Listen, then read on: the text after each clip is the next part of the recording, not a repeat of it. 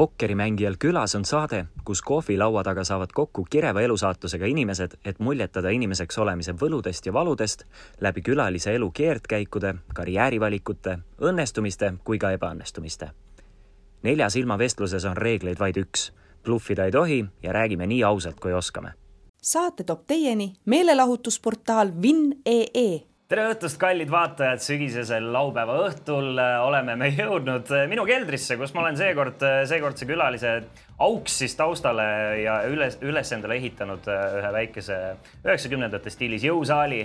ehk siis saateks on pokkerimängijal külas kanaliks Vintv Live ja minu külaliseks täna on kulturist, tervislike eluviiside propageerija, koolitaja ja ka finantsekspert Vaikne, vaikselt Ott Kiivikas, tere tulemast. ja tere ka minu poolt. mul on tohutult hea meel, et sa said tulla, sellepärast et äh, noh, kogu läbi oma karjääri sa oled äh, pühendunud iseenda siis äh, surumisele, edasi nagu arendamisele ja ka teiste inspireerimisele. Ja viimasel ajal sa oled väga palju näinud vaeva ka selle nimel, et tervislikke eluviise kõikide eestlaste kodudesse viia ja pokkerimängija Eh, amet kui selline on suhteliselt vaimselt kurnav ja ka füüsiliselt võib-olla ei ole kõige sellisem liikuvam amet, et enamik aega ollakse kas arvuti või laua taga, seega väga põnev saab sinuga täna siin vestelda olema. enne kui me hakkame Otiga juttu rääkima, siis ma räägin kiirelt ära ka meie pakkumised, nimelt ma panen teil taustale käima ühe turniiri, selleks on liiga etapp, algas see just nüüd ja praegu. Kes laivis siis vaatavad, saavad seda Optibetis kaasa mängida, üksteist dollarit on sisseost ja selle eest on võimalik koguda endale liiga punkte. kui te ennast sinna ära registreerite, laadige pilt üles win.ee kaldkriips Ari Klass, sest täna loosin ma umbes kahesaja viiekümne euro väärtuses teile pileteid välja selle eest, et te kaasa mängite aga see selleks, sellest kõigest jõuame õhtu jooksul rääkida, sellepärast et meil on Otiga aeg piiratud ja ma tahaks juba asja juurde jõuda. Ott, ühesõnaga, meil on siin kombeks või vähemalt mul on kombeks äh, üritada nagu kuidagi meie külalistega alustada peaaegu täiesti algusest ja siis jõuda siia punkti, kus me praegu oleme ja siis äh, võib-olla rääkida ka natuke sellest, mis on tulevikuplaanid ja nii edasi. nii et kui sul pole selle vastu midagi, siis ma alustaksingi sinuga täitsa algusest ja läheksin korraks sinu sinna lapsepõlve. ja ma lugesin natukene sinu kohta ja sa oled kirjeldanud enda lapsepõlve ikkagi päris äh, sellise äh, rõõmsa ja päikselisena, et, et Viljandis äh, oma aia ja aiaga kohas sa ikkagi veetsid enamik aega pigem ikkagi väljas mängides enda vanema vennaga ja telkides ja nii edasi, et kirjelda seda natuke, kuidas see Viljandi, Viljandi elu oli sul? ja no tervitus ka minu poolt ja see oli sul küll niisugune võimas sissejuhatus. Pool, pool ajast suutis mees ära rääkida juba. Uskumatu tüüp et eh, eks ta, eks ta oli, no Viljandi on selline ubane ja mõnus eh, linnakene, kus eh, ütleme just sellist lapsepõlve ja tõenäoliselt ka mm, pensionäripõlve veeta. täna tõesti, kui ma Viljandisse käin ja siin on alati hea tagasi minna. vaadates, kuidas linn areneb, noh, Viljandi on ka selline innovatiivne linn ja tegelikult päris palju on linnapildis muutunud, aga kui kerida see nüüd kolmkümmend või ka nelikümmend aastat tagasi, kui, kui minu lapsepõlv oli siis äh, eks ta oli selline, nagu öeldakse, suuri maju seal väga palju ei ole, linna otsast võisid ühte teisi minna jala käia. ega bussi väga oodata ka ei viitsinud, sest need käisid ka harva, rattaga kaarutasid ringi ja ja ümberkaitse, ümberkaudsed aiad ja noh, lasteaias ma käisin läbi aiaaugu, noh, et võib ette kujutada, kui lähedal see oli, et keeruline põhimõtteliselt lasteaed oli siis oma, oma koduõue peal, kool ei olnud ka väga kaugel, jalutuskäigu kaugusel ja ümberkaudsetes aedades ja Viljandi ümber sellistel põldudel, metsades, ähm, seal see jooksmine nagu toimus koolistaadionitel vabal ajal, sest tõesti see aeg, kui mina laps olin, ega siis midagi ju niisugust noh, ütleme noh, tõenäoliselt me oleks istunud samamoodi arvutis ja telefonis, aga lihtsalt ei olnud, eks ole, noh ja kui sul midagi, mitte midagi ei tule telerist, mitte midagi ei ole muud tähelepanuväärset, noh siis sa otsid väljas seda rakendust ja tegevust nagu nii et siin niimoodi minu see lapsepõlv seal möödus ja ma olen väga õnnelik, et ma sellises linnas nagu Viljandi sündisin. sa ütlesid, et sa käisid lasteaias läbi aiaaugu, kas see on piltlikult öeldes või konkreetselt oligi läbi aiaaugu? seal oligi aiaauk oli, ma ei tea millegipärast, kas see värav oli siis kinni või olime me tekitanud endale sinna sellise aiaaugu ja sealt me käisime läbi jah, tõesti nii, nii. see on küll lahe lugu. sa, sa oled ka öelnud, et sa soovisid või soovid oma tütardele samamoodi täpselt sarnast lapsepõlve, et oleks võimalik liigutada, väljas käia ja nii edasi, et ja see Tallinnas, Tallinnas on piiratud, see oli siis, kui sinu teine tütar alles sündis mm -hmm. ja oli viiekuune, kui sa seda intervjuud andsid ja nüüd on sul juba tütred suureks kasvanud ja kas, kas nad said sarnase lapsepõlve lõpuks nüüd kuusteist aastat hiljem järele no mõeldes? eks see, eks see on olnud ajas ju muutuv ja nagu ma ütlengi, et mõlemad on ikkagi sündinud ju Tallinnas ja, ja noh, kuigi peab öeld-, ütlema, et kui Tallinnas meil oli lapsed käisid lasteaias samamoodi kõrval asuvas majas, et ütleme põhimõtteliselt küll, aga mitte läbi aiaaugu, vaid juba läbi värava, nii palju oli aeg edasi läinud.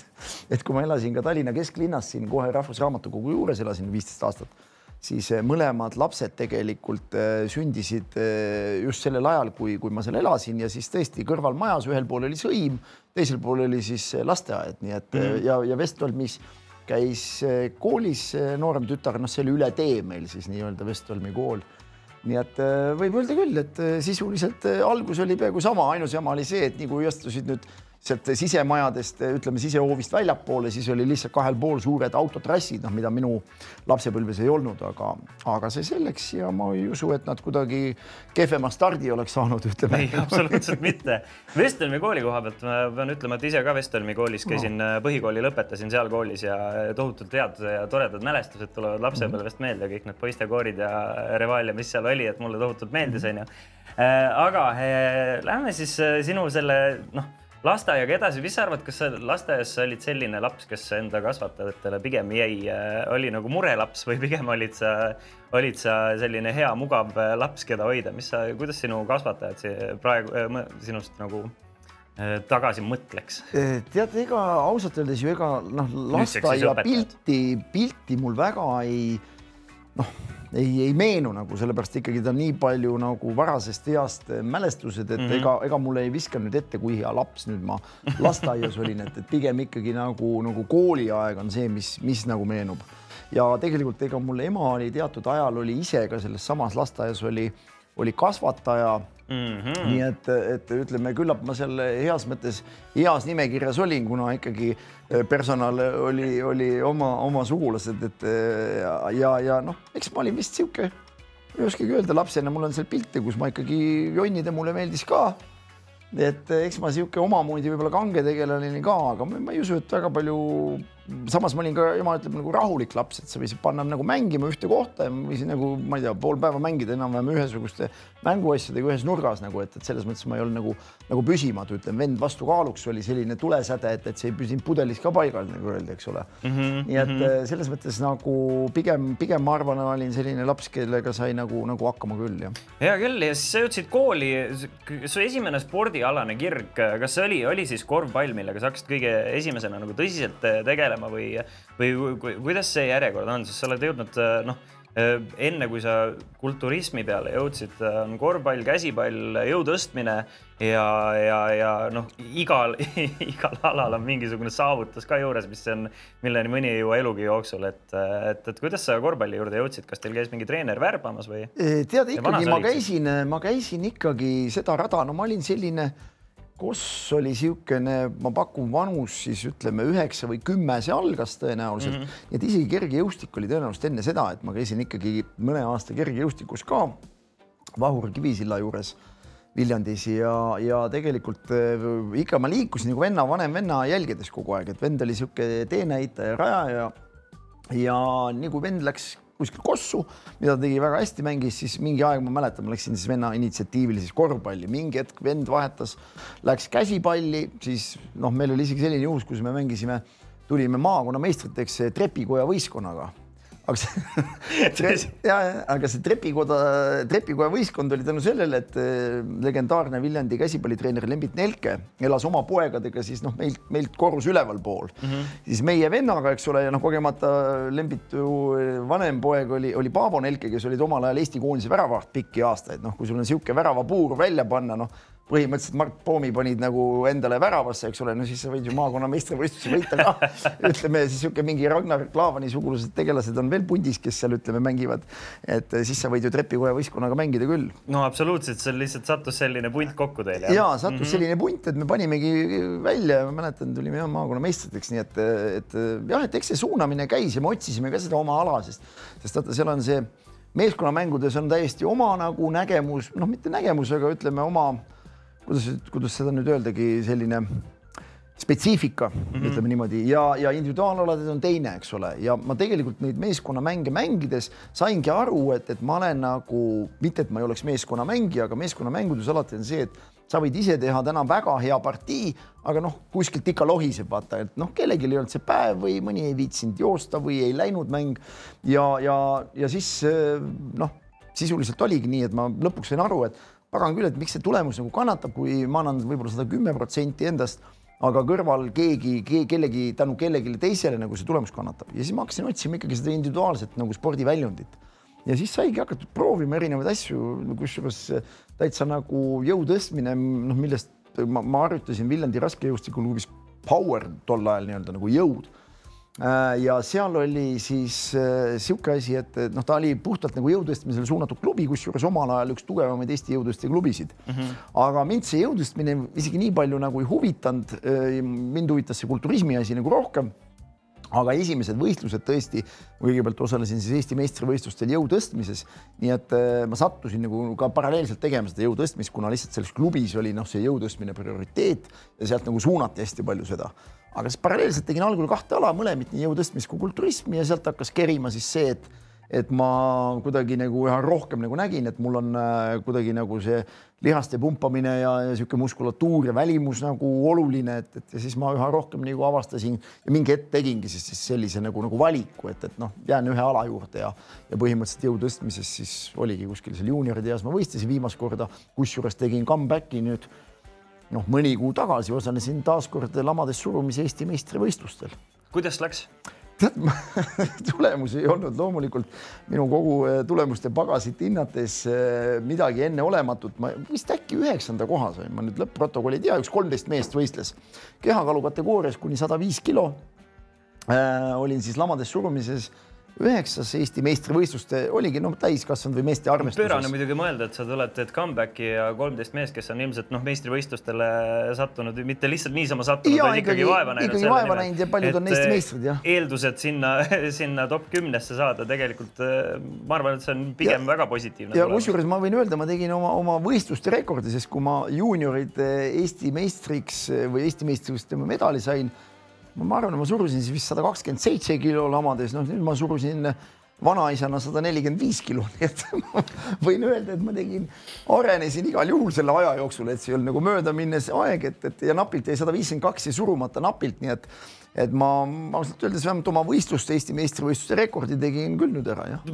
võimas, võimas, mul mõned tähelepanekud ja küsimused ka selle kohta. esiteks äh, tähelepanek number üks, mis, mis sa tegid ka jällegi või mis mulle väga meeldib, on see, et, et äh, kui sa räägid isegi äh, nooruspõlves käidud treeningutel, sa alati mainid ära oled ära maininud minu arvates äh, treeneri, kelle all sa oled mhm. treeninud, see on tohutu respekt treeneri vastu ja see, see on, see on mulle alati silma jäänud ja, meeldib, et, et äh, kui suurt rolli need treeneri figuurid sulle juba noorena äh, või nagu, kui suurt rolli nad su elus mängisid, kas sa, sa oled, olid pigem nagu, kui sa trennis käisid Äh, oli treeneri sõna oli püha või sa ikkagi äh, protestisid ka nende treenerite arvamuste peale, kui sa ikkagi sellega nõus ei olnud või nii?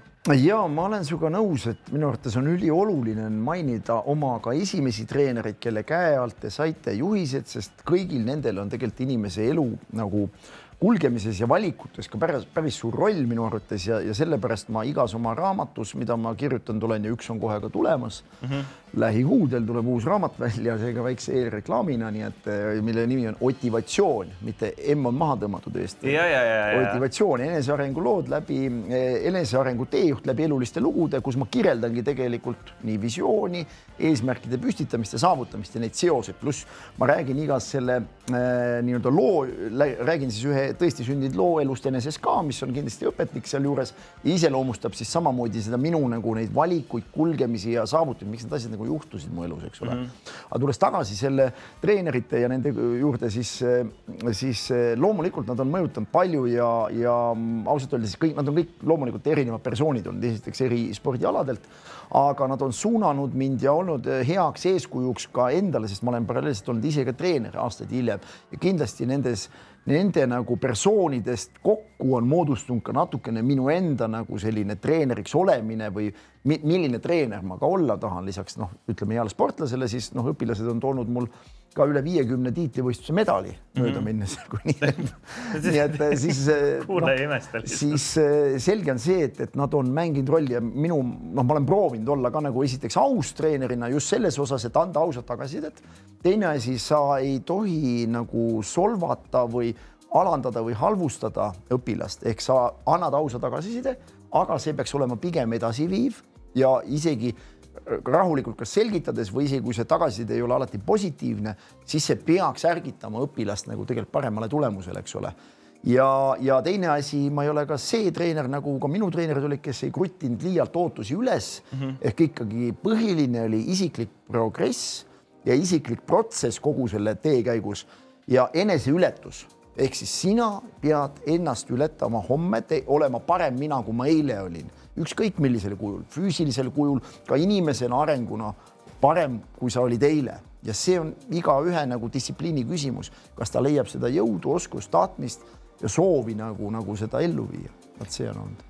See distsipliin, äh, kas seda on võimalik saavutada inimesel, kes ei ole sinu, sinu hinnangul, kas sa arvad, et sellist distsipliini, mis oleks vaja nagu edu saavutamiseks, äh, kas siis noh tegelikult elus üleüldiselt ükskõik, mis sa ette võtad, on distsipliin tohutult oluline mm. -hmm. kas sa arvad, et äh, sportlik taust on selle jaoks äh, noh, üks kõige olulisemaid äh, eeldusi, et, et, et endale distsipliini niimoodi kasvatada? sport vaieldamatult õpetab distsipliini, ükskõik milline spordiala, sest ilma selleta noh, on väga keeruline üldse spordis läbi lüüa.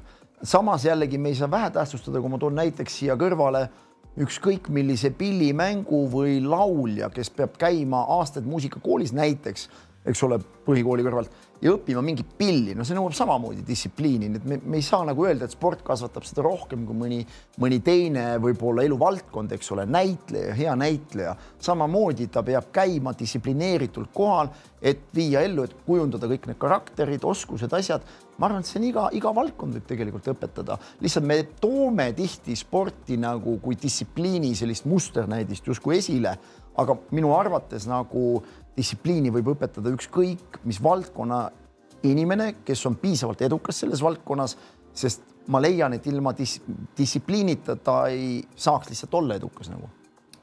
ja ma olen, ma olen sinuga selles mõttes sada protsenti päri. enne saate algust ma kirjutasin chati ka, me oleme, kes meid tagantjärele kuulavad, siis meil on otsesalvestus ja twitch.tv kaldkriips Vinteve live kanalil on võimalik ka küsimusi esitada ja lubasin, äh, palusin äh, inimestel siis erinevaid küsimusi küsida, et võib-olla loosin ka midagi head välja parima küsimuse küsijale mm. -hmm. ja vaata, Rihv kakskümmend kolm on kirjutanud sellise küsimuse. Äh, Ott, mis sa arvad, kui kaua sul võtaks aega, et vormida selline õbluke meesterahvas nagu Kristjan Laas sellisesse vormi, et ta võiks minna kultuur, kulturismi meistrivõistlustele? eeldusel siis, et selline õbluke meesterahvas nagu Kristjan Laas võtaks selle tõepoolest enda prioriteediks ja distsipliini probleeme ei ole, et äh, mis see, mis see ajaline? ma eeldan, et ütleme niimoodi just nimelt, et, et osaleda võistlustel, nimetame just. niimoodi. ma eeldan, et see võiks olla selline vähemalt paari aasta pikkune protsess, no ütleme, kaks oleks väga optimistlik prognoos. realistlik võiks olla niisugune kolme-nelja aasta plaan tegelikkuses ju pöörane mõelda, sellepärast et mina, kui ma mõtleks selle peale, ma mõtleks, et minu rong on ammu läinud, ei ole mõtet isegi alustada ja ma arvan, et päris paljud vaatajad mõtle, on, on tihtipeale lükkavad samamoodi seda edasi, et et, et sellist vormi enam ei ole võimalik saavutada, kui sa ei ole alustanud juba kaheteistkümne aastasest saadik spordiga, kaheksateistkümneselt juba endale tugeva lihasmassi alla teinud Se. selgitan, selgitan ka seda, et kulturism ja fitness, millega, kui ma alustasin kolmkümmend aastat tagasi sellega noh, niimoodi regulaarselt treeningutega siis oli olemas üks spordiala, mis oligi kulturism, seal olid ainult kaalukategooriad, eks ole mm. -hmm. täna on kulturismi ja fitnessi, ma olen ka ise rahvusvahelises alaliidus, olen nii Euroopa kui Maailma Kulturismiliidu juhatuses. Eh, seal on üle kahesaja riigi, kakssada kolm või neli riiki on eh, Maailma Kulturismiliidus. ja, ja tegelikult täna meil on seitseteist alamala -hmm., seitseteist, enne oli üks. see tähendab, et me leiaksime sinule äh, sobiliku distsipliini või, või ala, alamala nii-öelda, noh, seal on olemas rannafitness, klassikaline kulturism, ühesõnaga, seal on nagu erinevad sellised, mis nõuavad siis ka erinevat lihasmassi. kui te küsite tõesti, kas Kristjani võiks saada Mister ka siukse poolraske kaalu kulturistiks, no vähemalt üheksakümmend kilo, mis oli poolraske kaal, noh mm -hmm. siis tõenäoliselt, tõenäoliselt mitte küll aga osaleda kulturismi ja fitnessi võistlustel, nagu ma ütlesin, sealt annab leida sellise alamala, mis, millel me suudame sellise lihasmassi või vormi või rasvaprotsendi saavutada, millest sa saaksid osaleda. palju sinu juurde üldse tuldud on äh, selle jutuga, et äh, noh, no täiesti ütleme siis, kas on, on sul selliseid juhuseid üldse olnud, et tulebki täiesti inimene, kes ei olegi kunagi äh, võib-olla jõusaalis käinud ja, ja temast ongi vormitud välja paari aastaga täiesti adekvaatne, adekvaatne, võib-olla isegi soovi korral võistlusel osalev inimene. on, on selliseid näiteid olnud ja need õpilased on jõudnud ka lavalaudadele ja tegelikult on tihti hoopis tulnud näiteks väga suure ülekaalu pealt mm. -hmm. on ka juhuseid, kus on inimene olnud päris suure ülekaaluga ja tegelikult osalenud siis kulturismi fitnessi võistlustel noh, tõenäoliselt ta ei oleks ise sellest võib-olla paar aastat varem üldse julenud unistadagi või arvanud, et see võimalik on. nii et neid näiteid ja edulugusid tegelikult on, kus võib-olla see hetk, kui ma olen pidanud inimest hindama ja ütlema, et noh, et mis sa arvad, kas must võiks kunagi võistleja saada, no siis ma, ma ei suuda isegi seda nagu visualiseerida mm -hmm. selle persooni mm -hmm. puhul, et see võimalik on, aga need inimesed on tihti tõestanud vastupidist, nii et täna ma ei ütle päris ühelegi inimesele niimoodi, et kuule, no mõtet unistada või võimatu nagu, et, et ma pigem julgustan proovima ja pigem nagu ütlen ka, et hakkame protsessiga pihta ja töö käigus me siis näeme, milliseks see kujuneb, et mitte võtta ka inimeselt seda unistust või, või ka lootust nagu ära kõige keerulisem osa selle juures, et üldse tippu jõuda, tihtipeale inimestel, äh, mis iganes alal see on, äh, tundub see vaimne pool olevat, et äh, mentaalselt antakse enne alla, kui keha on alla andmas mm, -hmm. et, et muidugi on ka neid, kes treenivad ennast üle ja, ja, ja siis annab ka keha alla, aga noh, kusagil peas juhtub see, juhtub see asi alati varem, et, et kuidas nagu oled sa ise selles hetkes olnud või kuidas sa sellega ise oled toime tulnud, kui, kui ühel hetkel nagu vaim, vaim ei jõua järele või, või tekibki see tunne, et kurat, ma löön käega või sul või seda külge sinus ei ole kunagi olnud? tead sa, ma olen selline väga kehv käega lööja, et noh, eriti mis puudutas kulturismi ja neid aastaid, noh, ma olin ju tegelikult, võistlesin kakskümmend viis aastat järjest, noh, põhimõtteliselt sai no kakskümmend viis hooaega järjest võistelda ükskõik mis alal ilma mitte ühtegi vahele jätmata mm -hmm. noh, kahekümne viie aasta jooksul toimub inimese elus päris märgatavalt erinevaid sündmusi ma ütlen, sa saad vanaisaks põhimõtteliselt kahekümne viie mm -hmm. aastaga võid saada. ehk siis eh, see oli nagu veider tõesti, et mul, ma ei mäleta sellist perioodi, kus mul oleks olnud ja, ja see, selle juures on ju olnud täpselt samamoodi, on, on lahkuminekuid, on, on erinevaid tööalaseid mingeid väljakutseid, mingisuguseid asju, sul on nagu sada põhjust et noh, panna see asi seisma ja öelda, kuule, mul ei ole praegu aega sellega tegeleda, ma tegelen millegi muuga. aga kuidagi veidral kombel oli see minu jaoks nagu number üks asi ja kõik see muu elu toimus nagu sellel foonil nagu noh, seda on võib-olla isegi täna keskmisel tavainimesel väga raske ette kujutada, et mismoodi sai see tähtsam olla, kui ma ei tea, mingid perekondlikud asjad või mingid muud asjad. aga kõige huvitavamal kombel ma nagu vaatan, et, et see mind nagu vedas või hoidis või hoidis nagu seda tasakaalu. loomulikult, nagu ma ütlesin, mingil hetkel toimus mingi lagunemine ja, ja mingi uus jällegi elu, mingi uued võimalused, uued inimesed tekkisid mu elus, aga kuidagi see foon hoidis mind nagu töös, et ma, mul oli nagu, mille nimel pingutada, mul oli mingi eesmärk nagu mm. -hmm. mul oligi elul mingi eesmärk, sest isegi kui tavaelus sul mingit suhe puruneb või mingi muu asi on, siis noh, paratamatult sa nagu hakkad otsima, mis see point siin elus on, mis see, mis see väljund on. mul ei olnud nagu kuni ma ütlen, kakskümmend viis aastat mul polnud üldse mingit muretki, mul kogu aeg oli selge, kuhu ma, kuhu ma tahtsin nagu liikuda, mida ma tahtsin saavutada, nagu ma leidsin kogu aeg mingi uue eesmärgi, mille nimel pingutada, mille nimel iga hommiku üles tulla, teha oma tööasjad, pluss oodata, et vot sellel aastal ma tahan saavutada seda ja seda, seda nagu vahepeal äh, jällegi siis, kui sa kulturismiga peamiselt äh, noh, kõige aktiivsemalt tegelesid, sa pidid selle kõrvalt ka päris tööl käima, sellepärast et kulturismiga äh, oli keerulisem ennast võib-olla päris ära elatada mm. -hmm. kas see karjääri jooksul muutus ka või see oligi läbi karjääri pidevalt pidid rööprähklema mitmel rindel? ja samal ajal siis proovima edu saavutada kulturismi valdkonnas. ühest küljest tuleb sulle nagu väga palju kuulsust, au on ju ja ka tiitleid ja, ja samal ajal siis noh selle kõrvalt tööl käia, kas, kas see ei, tekkinud seda murdumise tunnet sellel hetkel ka mitte? tegelikult ei, sest ega ma sain ju kohe aru, et see ala ei ole nüüd küll see, mis hakkab kunagi raha üldse sisse tooma mm. -hmm. kuigi ma võin öelda tegelikult, et tänu sellele edukusele, mida ma olen olnud, ma olen saanud äh, teha heas mõttes seda tööd eluaeg, mida ma olen tahtnud teha, ehk ma tegelikult kakskümmend aastat tõin toidulisandite äris, olin, tõin seda maale, müünud jõusaali varustust nii sise kui praegu olen paigaldanud üks nelikümmend välijõusaali üle Eesti. et ma olen tegelikult päev otsa tegelenudki treeningvahendite, inventari pluss nende toidulisanditega, noh, mida, millest ma lapsena tead unistasin, et ma need kätte saaks. Yeah.. noh, kui sa kulturismi ajakirja lugesid, kus lubati sulle, ma ei tea, kümme kilo lihasmassi kolme kuuga, tead, noh, ma mäletan, sa pidid, ma ei tea, viimase raha ära andma, et, et saada seda unistust, et ja ma sain selle keskel ma saingi ennast ära elatada, selle kogu selle hobi ja töö oli koos nagu, et ma ei pidanud seda mingiks raskeks tööks, see oli niikuinii selline asi, mida ma oleks hea meelega teinud ka siis, kui sellest raha heas mõttes saanud ei oleks, eks ole.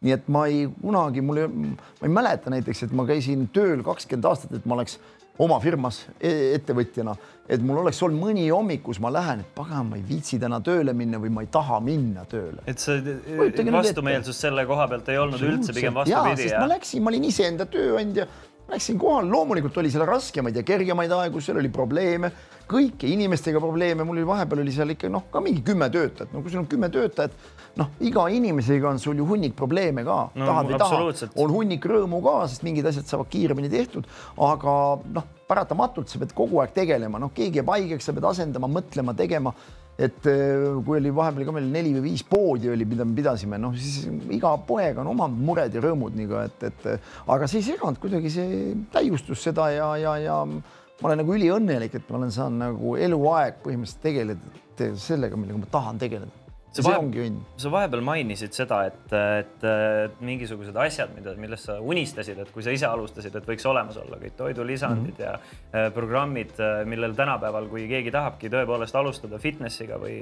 või kulturismiga, siis, siis neil on vahendeid on tohutult palju, kogu internet on täis, on ju, ja mhm. personaaltreenerid ja kontaktid on äh, põhimõtteliselt ühe kirja kaugusel. siis äh, lähme korraks sinu sinna algusaegadesse äh, nišiala ikkagi, nagu ta isegi to, äh, tol ajal veel eriti oli, onju, mhm. ma noh, tänu sinule ta enam nii väga ei olegi põhimõtteliselt. siis kus sa, kus sa leidsid seda äh, noh, just, just neid, noh, sedasama, no tegelikult äh, lähme, lähmegi sinna, et, et kas see käis rohkem sul katse-eksitusmeetodil või oli sul omajagu selle, selles maailmas ka siis nagu nõuandjad ja ütlesid täpselt, mis lihasgruppe, mis, kuidas, kuidas see toitumisalane teave tol hetkel oli ja ma võtsin ja meil tegelikult noh, kuna infot oligi vähe, tolleks ajaks, kui ma hakkasin tegelema kulturismiga, oli ilmunud põhimõtteliselt kolm raamatut eesti keeles. see oli Kulturism üks ja kaks, need on siis Jaan Loko kirjutatud raamatud ja siis oli eraldi veel äh, Oleg Andla, Oleg Susi ja kellegi veel oli selline raamat nagu Kulturism kõigile. see Kulturism kõigile oli, mille kaane peal oli veel minu enda hilisem treener Indrek Otsus oligi selline, võiks öelda niisugune piibel, mida ma siis nagu lugesin otsast lõpuni, lõpust alguseni. ja teine asi, mis hästi palju mind mõjutas, millest ma ka oma just selles nüüd kohe ilmuvas raamatus, uues selles motivatsiooniraamatus kirjeldan, oli selline ajakiri nagu Atleet, see ilmus üheksakümnendate aastate algul ja igas kvartalis tuli üks number. Ja seal oli siis selliseid juba pilte sees, sest noh, visuaali ju praktiliselt üldse midagi ei ilmunud internetti ei olnud, no kujutad nüüd ette, kus mm, -hmm. kus need pildid, kust tulevad kulturistide pildid, ainus asi, need sai kuskilt ajakirjast tulla tol ajal, eks ole. ja välismaalt toodud ajakirjad olid need, mida, millest ma ka ammutasin siis, et, et tol ajal ka sellised Soomest lasin tuua, kui ma ehituskoolis õppisin, lasin seal sõpradel tuua siis Soomest juba seal ilmusid siis ajakirjad, eks ole. ja, ja teine pool oli siis see kulturism kõigile, kus olid siis erinevad kavad sees, sealt sai midagi võetud kohe ja, ja ma meenutan veel tõesti jah, tõenäoliselt see ajakiri Atleet oli ka teine, mis mind hästi palju mõjutas, mille ilmus seal mingid erinevate inimeste treeningkavad pluss mingid persoonilood, mis mind väga palju mõjutasid, kui ma lugesin, proovisin aru saada et eh, mis ja kus, nii et need olid esimesed sellised, pluss siis eh, need kavad loomulikult, kui ma juba tulin Tallinnasse ära, no ma olin siis üheksakümne seitsmendal aastal ma kolisin Tallinnasse, siis oli juba hakkasin Indrek käe all, Indrek Otsuse käe all treenima ja tema tegi siis trenniplaanid nagu nii-öelda. aga enne seda ta oli jah, tõesti selline pigem kuskilt ka vot täpselt nendest raamatutest, ajakirjadest, sest nagu ma ütlesin, meil oli endal küll jõudlaste klubi, noh, ega seal päris sellist nagu noh, kulturisti kava sul naljalt keegi ei osanudki kokku panna, et mis, mis kult, kulturisti kava siis on, eks ole mm. -hmm aga toitumise koha pealt äh, oli sul äh, jällegi, kust sa, kust sa selle koha pealt informatsiooni? see oli sama, see raamat, mul oli niimoodi, et mul oli ja mul oli esimene treeningpäevik, mis on siiamaani alles, ilusti mhm. üheksakümne kolmanda aasta treeningpäevik. sinna tagumistele külgedele ma olen kirjutanud kõikide toiduainete siis äh, makrotoitainete väärtused yeah.. selle tabeli ma võtsin samamoodi sellest Kulturism kõigile raamatust ja siis ma käisin, ajasin näpuga järge juba, ma olin kuueteistaastane kutt, kui ma ajasin näpuga põnev. järge, mis toit, mida sisaldab, kuidas, mida ma pean sööma, et need lihased üldse kasvaks. nii et selles mõttes ta hakkas suhteliselt teadlikult see asi nagu pihta, et ta ja tänu sellele kirjandusele, kui ma seda lugenud ei oleks, ma oleks võinud seda trenni lõhkuda ja ja tõenäoliselt oleks, oleks see asi jäänud nagu noh mitte sellisele tasemele igal juhul, ma arvan, et tulemusi poleks ka tulnud. aga kas see ongi, ongi siis niimoodi, et, et äh, nagu sa just praegu ütlesid ka, et, et sa võid seda trenni lõhkuda, aga kui sa teed seda valesti või nagu ei tee mingisuguse kindla kava järgi, siis tege, tegelikkuses need tulemused on rasked tulema. ma jõuan siin ka äh, vaataja küsimuseni ka tänu sellele, et see on no. toitumise ja siis äh, õige, õige treenimise koha pealt et ütleb Darth Vader, jah, ilmselgelt väikese huumoriga ka, aga Ott, ma olen viis kuud teinud regulaarset trenni juuksis. miks mu kõht juba lame ei ole? Noh, nagu öeldakse, trennis käib väga palju inimesi, tulemusi neist jõuab kahjuks väga vähe tõenäoliselt. eks ta on ikkagi toitumise küsimus, et see toitumine peab toetama seda tegevust ja võiks öelda, treening on eeltöö muutuseks. aga see muutus toimub läbi siis õiget, õigete toitainete sattumise organismi, pluss siis ka taastumisest, mis hakkab toimuma, eks ole, nii et et äh, tõenäoliselt, kui me visuaalseid muutusi palju ei näe, siis ma soovitaksin rohkem tähelepanu pöörata mitte treeningule ma ei taha öelda, et selle treeningu peale me ei peaks nagu mõtlema või võib-olla arutama, mida seal treeningus ka parandada, aga pigem mulle tundub sellise lühikese lause pealt, et eh, probleem on rohkem toitumises või et see toitumine siis ei taga seda tulemust, mida see treening justkui peaks nagu eeltööna tegema kas see on fifty-fifty või äh, kuidas sa protsentidesse paneksid trenn versus õige toitumine? no ta on, on ikkagi, ma arvan, niisugune nelikümmend, kuuskümmend, kolmkümmend, seitsekümmend toidu kasuks pigem oh,. Wow, see on jällegi aina üllatavam või tegelikult noh ma, ma natukene teadsin seda ka, aga, aga no ikkagi uskumatu, kui oluline see toit no eriti, mis puudutab on. mahavõtmist, ma ütlen mm -hmm., võib-olla see, kui inimene tahab juurde võtta, ütlen ausalt, siis ka lihtsalt noh, ütleme nii, et natuke umbes süües on võimalik jõunäitajaid päris hästi kasvatada nagu, aga kui me tahame kehakaalu alandada, rasva põletada, noh siis see läheb küll, ma ütlen, sihuke kakskümmend, kolmkümmend osa jääb trennile ja tegelikult põhimõtteliselt inimene on võimeline läbi ainult toitumise nulltreeninguga noh, sisuliselt ju rasva ära kaotama mm. -hmm, noh, siis me saame aru, et, et see toitumine tegelikult teebki seda. ehk siis äh, treening on loomulikult koos äh, treeninguga lihtsalt see, mis siit alt välja tuleb, on tõenäoliselt äh, oluliselt parem pilt kui lihtsalt tugitoolis istudes ja nälgides nagu. aga mõte jääb samaks, et, et äh, põhitöö toimub ikkagi köögis ja, ja kui seal on paigas, on distsipliin paigas, siis, siis tuleb ka tulemus ja tuleb päris ruttu, ma ütlen teile. kumb on keerulisem projekt, äh, näiteks oletame, et sulle kui treenerile, siis mis sa arvad, äh, kumb oleks äh, nagu, kumb võtab aega rohkem, et tuleb sinu juurde kaks samas vanuses, ütleme kolmekümne aastast meesterahvast, üks on kuuekümne kilone, meeter kaheksakümne pikkused, teine on saja kahekümne kilone ja saja kahekümne kilone proovib saada ennast üheksakümne kilo peale, kuuekümne kilone kaheksakümne kilo peale. Kas lihaste kasvatamine on, on, on nõnda palju keerulisem kui selle kaalu langetamine? Siin ja on. Äh, mõlemad tahavad võistlustele minna näiteks. Äh, siin on äh, tõsi, kui kehatüüp on selline, no nimetame see kuuskümmend kilo on põhimõtteliselt kehatüübina ektomorf nimetatakse mm, -hmm. hästi raskelt tuleb kehakaal. tema jaoks võib osutuda raskemaks jõuda kaheksakümne kilogrammini kehakaaluga, ma ei räägi isegi võistlemisest mm, -hmm. kui teisel saja kahekümnesel selle mahavõtmine nagu mm. -hmm. ehk ähm, tõsi, tõsi, ma olen seda elus palju näinud ka, kus, kus kus toimuvadki, noh, kes tahabki juurde võtta ja samamoodi väga palju näinud inimesi, kes tahavad maha võtta ja on võtnud. et eh, tihti jah, võib öelda, et see mahavõtmine võib olla ikkagi nagu lihtsam protsess käivituda, kui see kaalu juurdevõtmine ja sellisel kehatüübil just, kellel on kiire ainevahetus kaasa antud ja siis on see hulle, hullem vaev jah mõne inimesega. sul oli kakskümmend viis aastat põhimõtteliselt järjest, kus sa võistlesid. Eh, nüüd, kui sa vaatad nendele kahekümne viie aastale järele või tagasi eh, mida sa kõige rohkem hindad enda või enda saavutustest? mis, mis on sinu see nagu see tippsaavutus nendest kõigest, on need maailmamängude tulemused, EM-i nagu väga stabiilselt väga pikka aega esinemine või MM-il?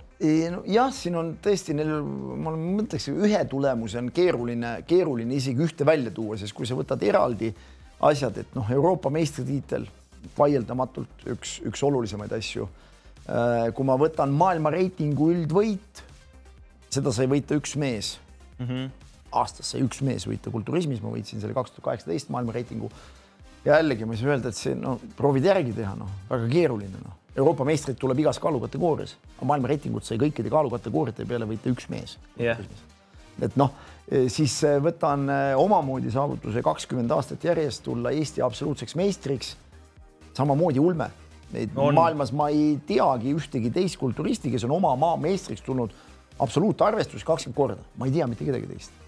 ehk jälle, need on kõik olnud sellised unikaalsed nagu saavutused või amatöör olümpiatiitel ka, mis oli mis ei ole kindlasti profide Mister Olümpiaga kaugeltki võrreldav, aga, aga oma kaalukategoorias ma võitsin ka amatöörolümpia.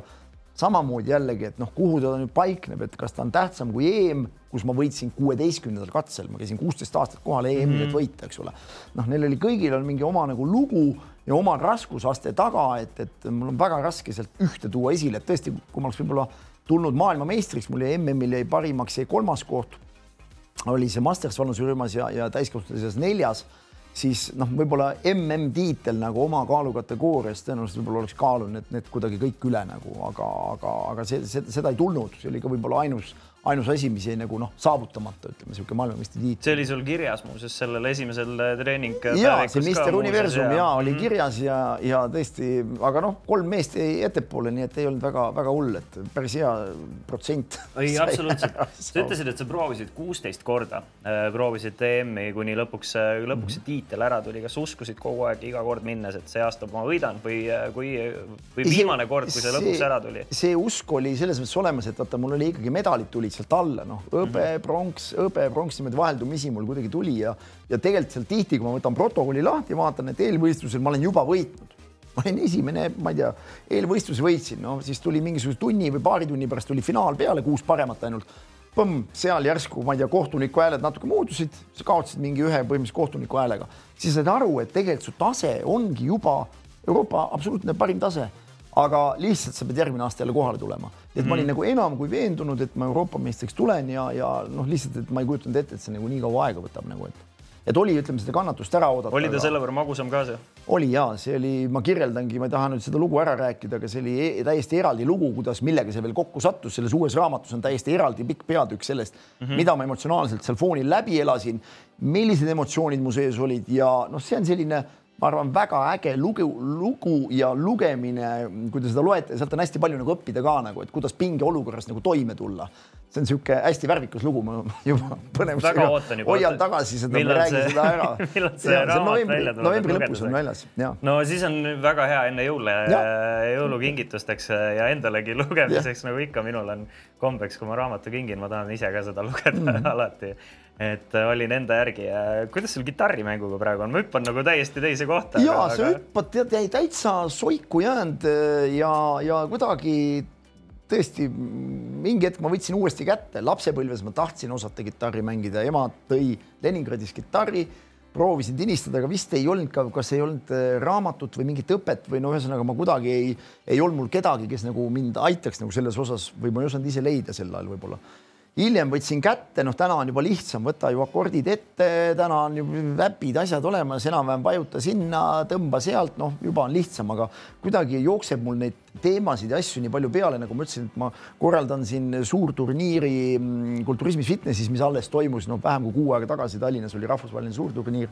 Siis samal ajal jõudsin valmis kirjutada raamatu, eks ole, noh siis äh, treenid veel hulka inimesi, noh, pluss on vabatahtlikud mingid rollid, et siin Kaitseliidus, olümpiakomitees nagu vaatadki, et noh, lihtsalt, et sa nagu tunned, et sul ei ole niisugust hetke, kus sa nagu noh oleks, võtaks mingi uue asja ja hakkaks sinna süvitsi nagu, nagu sellega tegelema, sest ma saan ka aru, et kui sellega, noh, sa peaks iga nädal sellega tegelema, et see asi kinnistuks nagu ja siis sa kuidagi võib-olla mind hirmutab see või ma ei ole nagu tahtnud nagu käsile võtta ja otsest nagu noh, see on nagu, nagu nice to have võiks niimoodi öelda, aga noh, tegelikult midagi ei juhtu, kui sa ei oska mängida, noh. lisaks sellele kõigele, mis sa ütlesid noh, mul ei tule meelde ühtegi või ma arvan, et ei olegi kedagi teist, kes äh, viimasel ajal kohe eriti oleks rohkem panustanud äh, eestlastele tervislike eluviiside propageerimisse kui sina.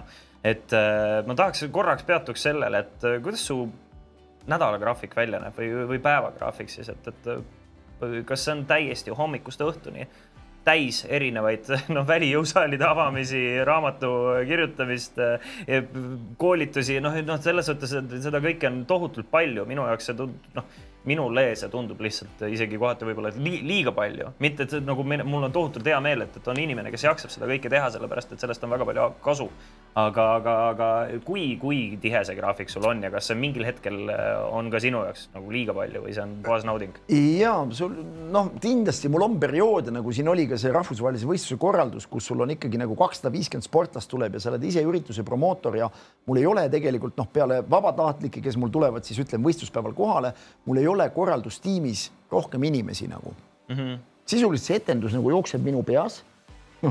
-hmm. kõik, kes, kus tuleb, mis, kus sponsorid, asjad, auhinnad, värgid, väliskohtunikud, kuhu majutada, mida panna, mida teha, kuidas, mis graafika jookseb ekraanidele, animatsioonid, asjad, noh, ühesõnaga kõik need asjad nagu on minu peas, mille ma siis panen lõpuks lauale ja loomulikult mul on siis õnneks vabatahtlikud asjad, kes mind nagu aitavad ja lähikondlased, mõned inimesed. aga, mm, aga see võtab jah meeletu aja teatud aja jooksul ja siis ongi nii, et ega ma tõusen sihuke viis kolmkümmend, viis nelikümmend hommikul ma tõusen ja tihti need päevad lõppevadki nii, et ma panen üheksa või kümme kümme õhtu panen siis arvuti nagu kinni ja selle päeva sisse jäävadki siis personaaltrenni andmised, siis ongi täpselt, kas on mõned välijõusalid avamised või mingid projektid, siis on selle sees äh, ütleme, mingid koolitused või asjad, mida ma samamoodi teen, eks ole, siis on mingisugused koostööd, noh, sellised, mida sa pead ka tootma või tegema. no kasvõi olla... kasvõi meie praegune. ja kasvõi praegune see projekt, eks ole, no mhm. samamoodi sa võtad mingid kohustused endal, mida sa, mida sa siis pead ära tegema, neid koostööprojekte loomulikult erinevate brändidega on mul üksjagu mm, -hmm. mis tähendab omakorda mingid graafikud, noh siis on mul äh, mingi startup, eks ole, milles mul on ka osalus ja panus, äh, Fitchfear, millega me paneme inimesi liikuma, sellega on mingid kohtumised, koosolekud, asjad, milles sa pead osalema nagu, eks ole, nii et neid nagu asju on päris palju, aga mida ma nagu mõtlengi, et kõige huvitavam on see, et hea on, et neid palju on sest tegelikult neid ei ole nagu korraga palju, aga need on nii, et noh, mingid päevad ma teen neid asju, teine päev teisi asju, et need nagu vahetuvad, et sul on nagu kogu aeg huvitav oluliselt igavam on nagu teha hommikust õhtuni enam-vähem ühte sama asja nagu. ehk siis mul on nagu tõesti see, et, et on mingid episoodid iga päev on midagi põnevat või on mõned podcast'id või filmimised või, või mingid mis iganes asjad, kuhu mind kutsutakse ma pean sinna ka loomulikult panema mingi filtri vahele, et, et lihtsalt nagu, nagu noh, ei, sa ei jõua lihtsalt igal pool olla. Ja eks ma panengi ja, ja tihti ka inimestele põhjendan, et võib-olla ka, kes mind on kuhugi kutsunud ja neid podcast'i kutseid ja igasugustesse on ka päris palju tulnud, et ma olen ka pigem nagu ütlenud ära, sest ma saan aru, et noh, ma lihtsalt, ma ei jõua igal pool olla ja, ja mul võib-olla ei olegi vaja igal pool olla, et, et ma pean nagu hästi seda oma energiat suutma nagu suunata õigesse kohta, kus ta heas mõttes, kas ta tekitab jälle, materialiseerib mingisuguse asja, on see üritus, on see raamat või siis noh, materiaalses maailmas ka teatud mõttes isikliku, ütleme siis mingisuguse vajaduse katab ära, eks ole mm -hmm.. noh, nii ta on, et, et see dilemma nagu kogu aeg, sest tegelikult noh, teeks palju rohkem asju veel lihtsalt sellest, et läheks ja osalekski ja läheks ja räägiks ja käiks koolides veel rohkem lihtsalt tasuta rääkimas. aga sa näed, et see see ei mahu sul sinna päevakaupa, noh, sa pead midagi ära jätma, eks ole. kui sa midagi ära jätad sellist, noh siis mingid teised asjad, millest sa samamoodi lood võimalusi kas uutele inimestele või lood inimestele kasvõi kahesaja viiekümne sportlasele elumälestuse, lood, et neil oli väga äge võistlus, et nad said emotsiooni sealt, noh siis jälle mingi teine sektor kannatab, nii et, et see pidev on dilemma kuidas seda lahendada, aga ma ütlen ausalt, kui sa teed nagu neid asju, mis sulle meeldivad, siis sa ei mõtle selle peale, et oi, mul on nii palju tööd või noh, vahest ma tõesti tunnen nii palju kohustusi, kuidas ma seda nagu talun. aga siis ma tean ka, et see lõpeb siin ära, kuna see projekt lõpeb ära, lõpeb raamat ju siin ära, see elab pärast mingit oma elu, lõpeb see võistlus selleks hooajaks ära, noh, järgmine aasta ta tuleb uuesti või mingi suvelaager, mida ma korraldan või teen. nii et ta nagu igal projektil on mõnes mõttes nagu mingi deadline, millest peale seda võtad rahulikult korra aja maha, seedid läbi, üldjuhul tavaliselt kirjutan kohe üles. Yeah.. näiteks kui ma mingi asja ära teen, isegi kui see tundus nagu jube hästi tuli välja välja, ma kirjutan põhimõtteliselt siin mingi neli-viis A4 ja mida ma järgmine aasta paremini teen mm. -hmm. et see, kiire. ja see iseloomustab tegelikult mu nagu seda põhjalikkust pigem ehk siis ma ei, mind ei huvita lihtsalt nagu suvaliselt asja ärategemine, mind huvitab nagu hästi asja ärategemine ja isegi kui see tuli hästi välja, siis ma tean, et ma olen tegelikult veel paremaks suuteline, mis iseloomustab ka seda, miks ma tõenäoliselt spordis midagi saavutasin ehk ma ei rahuldunud, isegi kui ma olin supervormis ja tegelikult olin hea, mul juba mõte käis seda, et pagan, järgmisel hooajal, vot ma teen seda, seda, seda veel, et veel paremaks saada. Nagu. kuidas veel, et, et, et, et nagu seda täielikku tippu ei ja. olegi tegelikult, alati on millegi poole pürgida. alati oli ju see, et kes ütleb, et see limiit, sest alati sa nägid endast liha sellisemaid inimesi enda ümber igas mõttes, sul oli kogu aeg motivatsioon, sa said aru, et tegelikult, et see lagi sul ei pruugi üldse siin olla, kus sa iseenda peast selle paned nagu. lagi võib-olla tundub kõrgem. mulle jääb selline mulje, et sa saad enda tegemistest rohkem nagu seda energiat energiat juurde ka, ilmselgelt see võtab seda ära ka, aga, aga see samas on, see toitub sa ütlesid õige asja, adreka, kui ma räägin mingeid asju läbi, sul juba läheb silm põlema, juba aju genereerib, juba hakkas tööle, saad aru, ma tulin, ma olin natuke unine, kui ma siia tulin, ma natuke magasin, päeval oli ka niisugune sombune ilm, eks ole, ja puhkepäev ka. aga tõsi ta on, et ma nagu, ma saangi energiat sealt, et mm -hmm. kui nagu tihti arvatakse, võtab energiat, ei, see toidab kui ma näen, et need asjad tulevadki nii välja, nagu nad mu peas olid ja visuaal, visualiseerides, siis ma saangi jõu ja, ja ma genereerin uuesti veel võimsamalt sedasama visiooni nagu absoluutselt, see lisaks sellele see nõuab ka tohutult aja planeerimisvõimekust ja oskust. on sul kunagi nagu niisugust personaalset assistenti ka olnud, kes lihtsalt panebki su päevakava paika või sa tahad seda asja ikka ise kontrollida ja? tead sa, ei ole ja ma mõneti tõesti imestan, et täna kirjutame ma ei tea, ükskõik millisele artistile, tal on mingi promootor. kõigil kes, on olemas kõigil. põhimõtteliselt. mina mõtlesin, et huvitav küll, et millega need inimesed ise tegelevad, ausalt ma ei tea, kas mul, kui mul tuleb koolituspäring või mingi asi, no ma ei tea, no ma jõuan ju sellele vastata, no ma ei, ma ei usu, et nendele inimestele sajab neid sada tükki päevas. no ilmselt no, mitte, jah. ilmselt mitte, seal tuleb mingi kolm asja, mida sa pead seal umbes vastama, tegema, isegi kui neid tuleb kolm päevas, no tegelikult inimesel on see aeg, et võtta see aeg, vastata, teha see hinnapakkumine või asi, üldjuhul sul on mingid põhjad juba olemas, tekst on sul olemas. mõtlesin, et huvitav küll, et mis mille jaoks seda isiklikku assistenti nagu vaja, sest päeva lõpus ma ju jagan temaga ka või maksan tema aja ju ka kinni nagu, et, et ma olen küll seda meelt, et, et ma nii palju leian ja õnneks mul on endal küll võib-olla heas mõttes kaasa on see, kes siis vajadusel aitab, aga noh, üldjuhul ikkagi ta pigem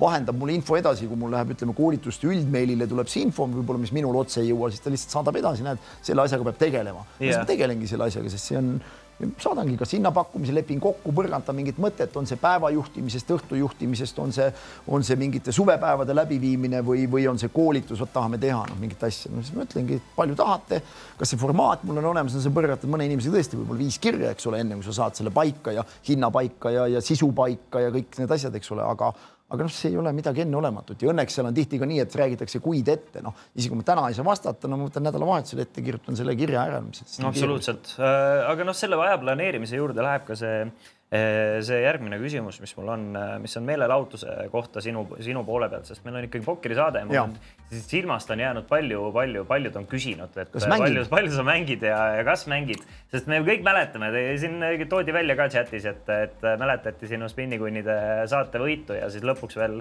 finaalis teise koha saamist põhimõtteliselt värske mängijana elukutsenud mängijate vastu. kas sa oled peale seda spinnikunnide saates osalemist pokkeri jaoks ka aega leidnud ja siis laiemalt, palju sa võtad ja kas endale meelelahutuse jaoks üldsegi nagu hetke nagu täiesti töövälist aega?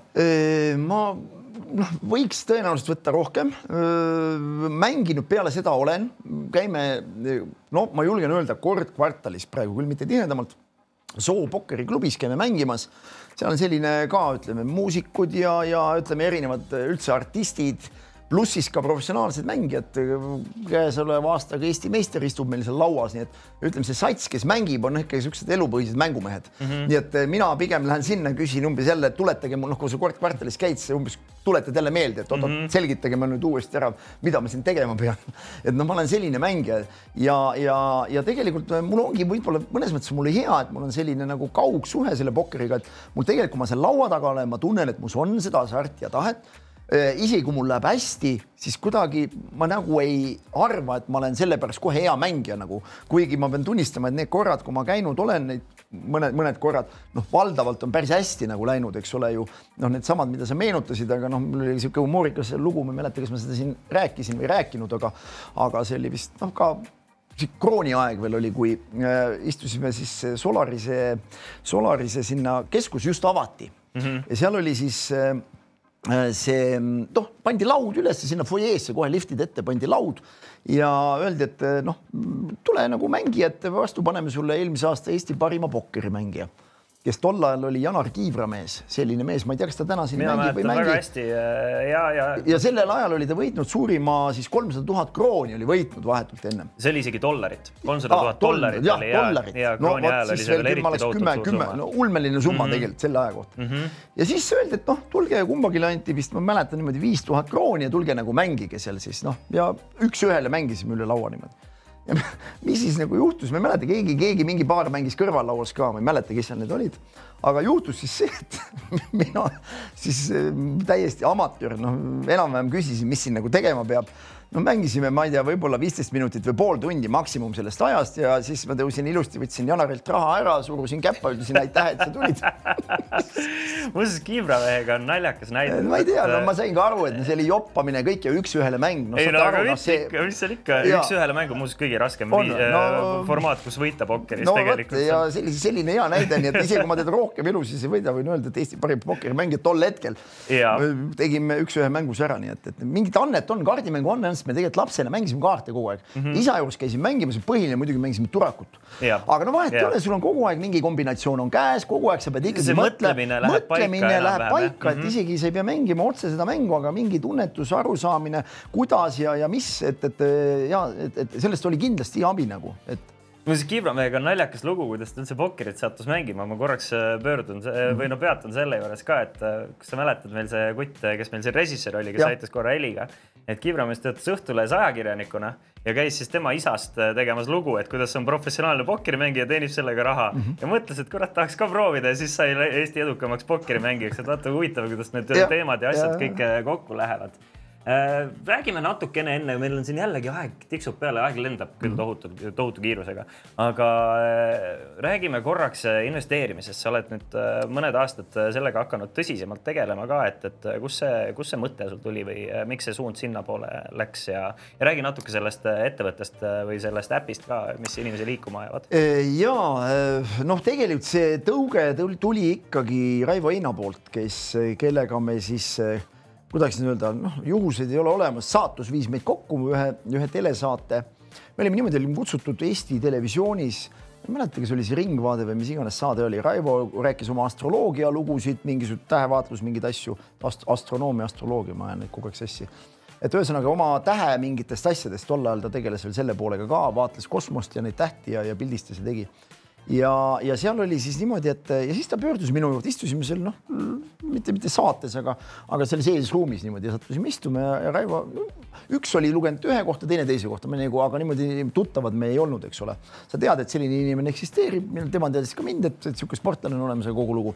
ja siis ta ütles, et kuule Ott, et tohib su kontakti saada, et ähm, mul on niisugune plaan, tead, et ma tahaks saada umbes seal viiekümne viiendaks juubeliks tahaks saada vormi, et ta on iga viie aasta tagant õppinud mingi uue asja ära või teinud noh, mingisuguse küll stepp-tantsu ja pillimängu ja mis asjad ta seal õppinud või teinud on ja vot viiekümne viiendaks juubeliks ta tahaks saavutada sellise kulturisti vormi nii-öelda. Nonii. et kas sa oled valmis mind aitama nagu? palun väga, number on siin ja helista noh, helistaski siis tuli trenni ja, ja sealt meie koostöö nagu hakkas ja, ja loomulikult noh, tuli seal jutuks siis äh, tuli jutuks siis ka selline investeerimine ja see ja, ja Raivo Õhutusel kinkis mulle kohe selle Roossaare rikkaks saamise õpiku. selle töötasin ka kohe läbi ja, ja hakkasingi, mul juhtuski tol hetkel selles mõttes võib-olla hästi, et mul juhtus olema, ma müüsin, tegin nii-öelda exit'i oma eelmisest sellest firmast ja mul juhtus olemagi sellist äh, vaba raha mida investeerida. Ja ta sattus tegelikult kokku ka nüüd selle Covidiga algusega.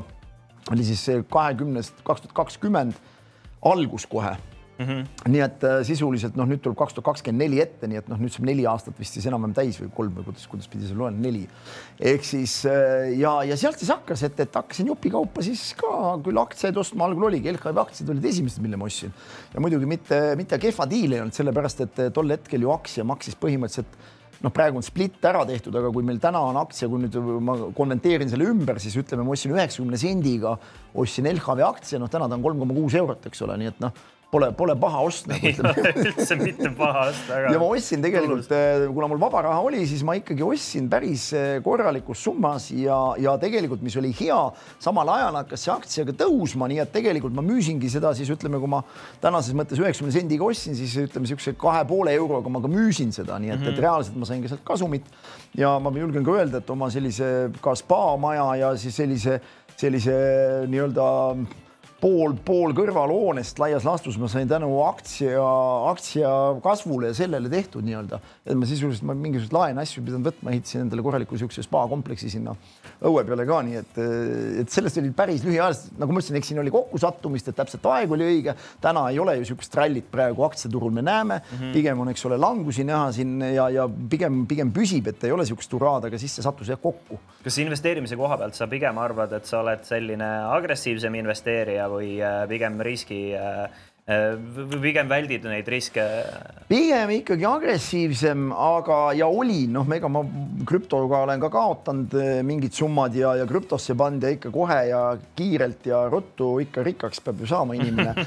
eks see vits on sealt ka tulnud ja selle eest on ka makstud, aga, aga pigem ma ütlen, ma olen täna investeerimisi, kui vaadata portfelli kogu tasakaalu, noh, sest mul on nii mingid osad on kinnisvara investeeringuid, mingis osas on eraisikute mingisuguseid laene, siis on äh, mingi osa on veel kusjuures siiamaani krüptos veel seisab, ma lihtsalt olengi seda sinna jätnud, et las see, las see seal olla ja ja kui see mingi hetk mingi ime läbi tõusma taaskord hakkab, äkki, äkki kunagi tuleb midagi ja siis loomulikult on aktsiaportfell, mida ka tasapisi siin ikkagi igakuiselt proovin ikkagi mingi raha osta lihtsalt juurde.